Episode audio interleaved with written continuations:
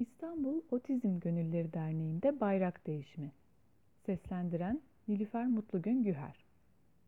16 Şubat 2020'de gerçekleştirilen genel kurul toplantısı sonrası İstanbul Otizm Gönülleri Derneği yeni yönetimiyle faaliyetlerine devam etmektedir. Nisan 2018 tarihinde kurulan İstanbul Otizm Gönülleri Derneği, Avukat Sedef Erken Başkanlığında kim olduğumuz değil, ne yaptığımız önemli sloganı ile son iki senede çok önemli faaliyetlere imza atmıştır. Bunlardan en önemlileri, 7 yıldır demir parmaklıklar ardında yaşamak zorunda kalan Sinan, bu ortamdan çıkarılıp özel bir bakım evine yerleştirildi. 5 aylık sağlık ve bakım masrafları dernek üyeleri, gönüllüleri ve yönetim kurulu üyelerinin desteğiyle karşılandı. Ailelere hukuki danışmanlık verildi.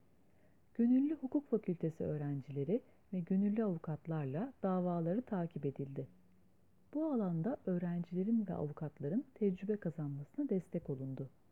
Okullara alınmayan çocuklar adına yaptırım uygulanabilmesi, İl Milli Eğitim ve İlçe Milli Eğitim Müdürlüklerinin, özel eğitim şube müdürlüklerinin ve rehberlik araştırma merkezlerinin konuları daha iyi takip edebilmelerini ve gerekirse sahaya inip bizzat durumu değerlendirebilmelerini sağlamak için dilekçeler yazılmasına ağırlık verildi. Ailelerle bir arada olabilmek ve görüşlerini almak için mahalle ziyaretleri gerçekleştirildi.